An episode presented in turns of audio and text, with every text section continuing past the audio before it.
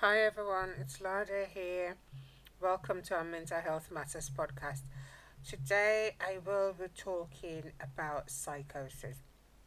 So, what do we mean when we say the term psychosis?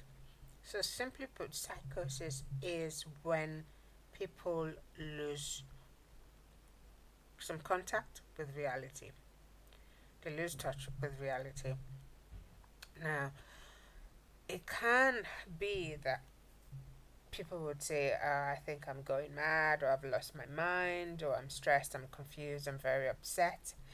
Um, and um, they think like it's like um, a sign of psychosis or it's a symptom of psychosis.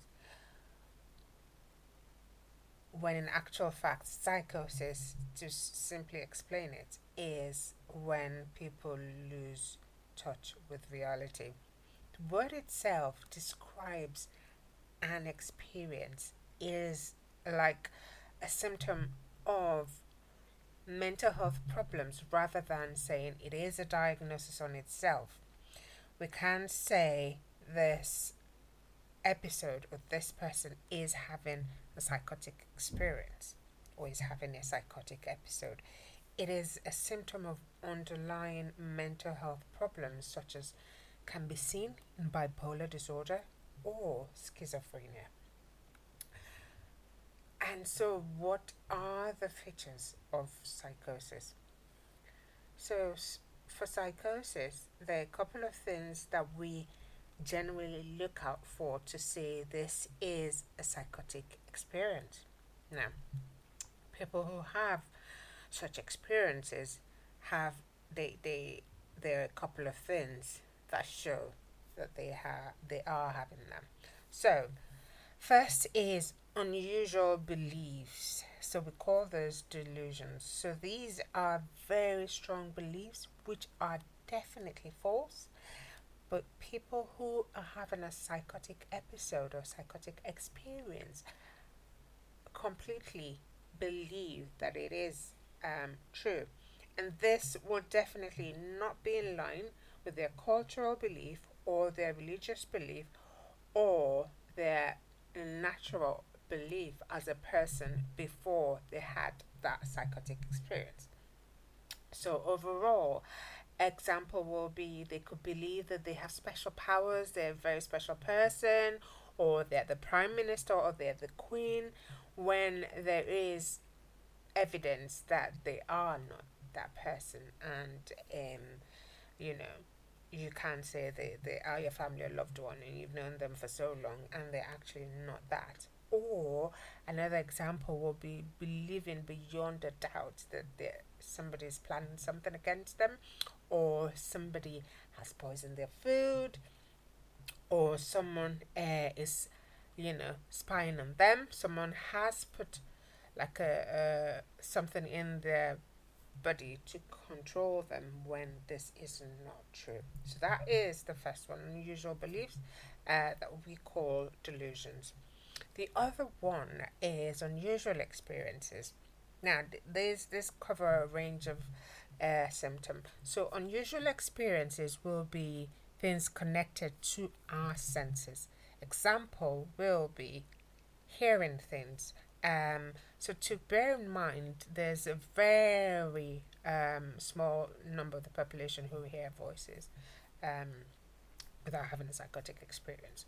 And there are times maybe when you're just waking up or when you're just going off to sleep and you can maybe think you're hearing something, but this is hearing another person out loud while you're wide awake and you can hear the person as you're hearing my voice. So these are unusual experiences, and um, people hear, people can see things are not there. People can feel that they're being touched when nobody has touched them. So it can be very distressing for people um, when this occurs. The other one is jumbled thoughts. So when people think, uh, you know, uh, their mind is really muddled and they can't think straight or uh, they're a bit confused and it, this reflects in the way they talk the speech is muddled is not making sense and um, people cannot necessarily uh, follow the line of conversation and say this is actually what this person is saying and it makes sense. So these these three are actually the main ones. However there are a couple of other ones which can happen when the person is having uh, this episode. And um, these are things that don't stand out on their own uh, but when they occur in association with those other ones that I've mentioned, um, can be categorized as a psychotic experience. So example will be when there's a decline in self care, they're just not taking care of themselves as they used to, not washing, not um, taking care of their parents, you know, daily activities of daily living that they do to take care of their uh, person. Um, other ones will be paranoid ideas when they think, oh, you know, this person is against me. That person looked at me funny, so it must be that it means this. Or they say things like the red, the red light changes to green, and that means for definite fact that yes, this person is planning something against me, or that means for definite fact that I am special because the red light changed to green. So those are unusual interpretations. Also, withdrawing socially, like people who have family or loved ones who just, you know, just withdraw into themselves, they're not anywhere. Um, and also, uh, as I said before, in terms of the speech, uh, uh, difficult following them. And then another one that is really quite subtle is um, like a drop in their performance or in in in at work or um, in in the academics. So going on to this, uh, it, it it can be really quite distressing for people who experience it. It could affect their life. It could make them feel overwhelmed. It could make them feel really anxious, scared, frightened, and there is that stigma you know, which is a very important part to think about when somebody, a loved one or a friend or some um someone, uh, maybe an acquaintance, tells you about this experience, and it takes a lot for other people to actually come out and say this is my experience. So we have to take that into uh, into cognizance when somebody comes and says that there is a lot of shame and guilt associated with psychosis. So when somebody says this, acknowledge it and, you know, praise them that they have confided in you or they have brought this to your attention. And as I said, they it is uh, it is not an illness on its own. It shows underlying mental health problems, and there are quite a number of them. It could be bipolar, as I said before, schizophrenia, schizoaffective, um, it could be even in a severe depression, there's psychotic depression, there's uh, quite a lot of them that, you know, psychosis will be what is out there, and professionals will have to dig deep and do an assessment um, to determine uh, what type of illness is going on. So, is there any cause? Now, with a lot of mental health problems, we can't say categorically this is it, this is what causes psychosis. But they found that quite uh, a few things can. Family history is there. Um, so if there's family history of uh, psychotic illness or psychotic experiences, then uh, it's been found that such individuals are more likely to develop develop it rather than uh, other people and also um, stressful events is another one. Um, so another uh, thing that we have found that is uh, is in relation to psychotic experiences is substances like drugs, uh, especially cannabis, um, in heavy quantities. Um, although there is the case of is it chicken and egg, the case of is it does the psych- cannabis cause the psychosis or uh, does psychosis make people seek cannabis to reduce the distress? So but that's for another that's for another episode. So I will move on. So how common is it? It it, it is um it does affect people of all ages, uh, male, female. Um, there isn't any variant and there isn't any predisposition in terms of uh, gender. However, in terms of the age, it rarely occurs before older teenage years. So, what do we do when people have psychosis? It is extremely important that help is sought early.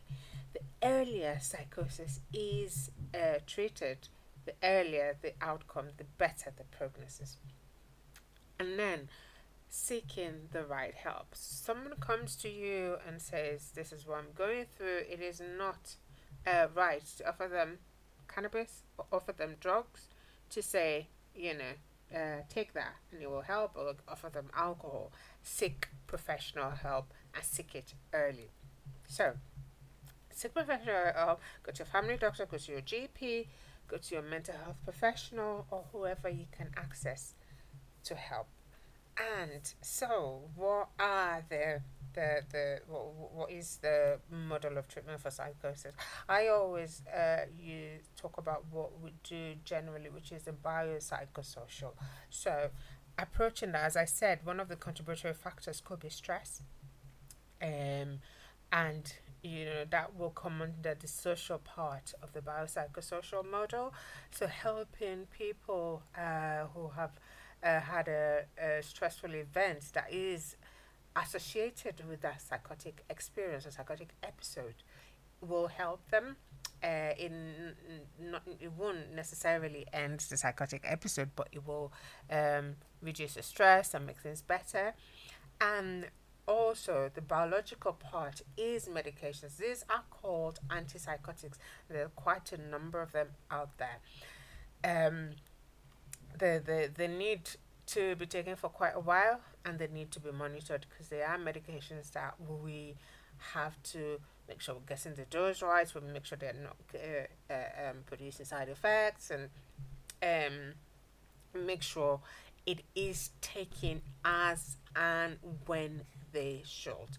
So, medications, a social part, and then there is also other forms of treatment like talking therapy. There is particularly cognitive behavioral therapy for psychosis. And there's also other bits as well um, that have been tried in terms of research um, that have helped. So, for psychosis, that is the model of treatment, biopsychosocial. So, uh, and then it is important to have support from family, friends, loved ones, and people around so you know the early warning signs of when the person is becoming psychotic again. Because once, as I said, once it's nipped in the bud really quickly, um, or rather, once the earlier the, the, the treatment is given or started or maintained, the better the outcome for the person that has the psychosis. So, a lot of people who get the early help and treatment do well after that episode or do well in terms of the illness that, that actually causes, causes caused it, maybe bipolar or schizophrenia. Um, and if it's due to uh, physical problem, physical health problems or drugs, and that is addressed, um, the outcome is even better. Um, and then when family, friends, and the individual is able to know what the early warning signs are, what we call relapse indicators. These are different from different for different individuals. So, uh, for some people, it might be when they start saying, "Oh, my neighbors um, you know, my neighbors have uh, started planning things against me again, or they're plotting things against me. They're plotting to bomb my house. For somebody else, it could be that they are saying, "Oh, my phone is bugged," or somebody's listening to me, and they withdraw to themselves. They stop eating. They stop taking care of themselves. They could be subtle signs, as I said, and they're different for each individual. But when the individual and the people around them identify that this is a word, uh, this is an early warning sign, this person is becoming ill again, and it's quickly nipped in the bud, it always helps and uh, makes recovery a lot better.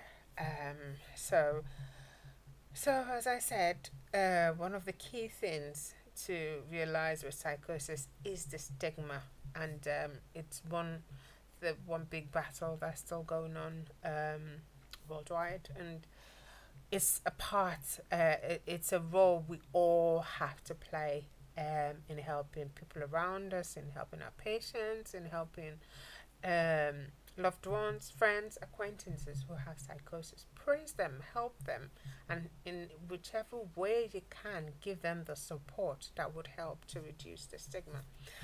I hope you've enjoyed the episode, um, and um, please give us feedback on our Facebook page, Facebook group, our Mental Health Matters. Um, until next time, and on Twitter as well at Omolade Amaka. That's O M O L A D E A M A K A. So until next time, empower your mind, empower your life. Goodbye.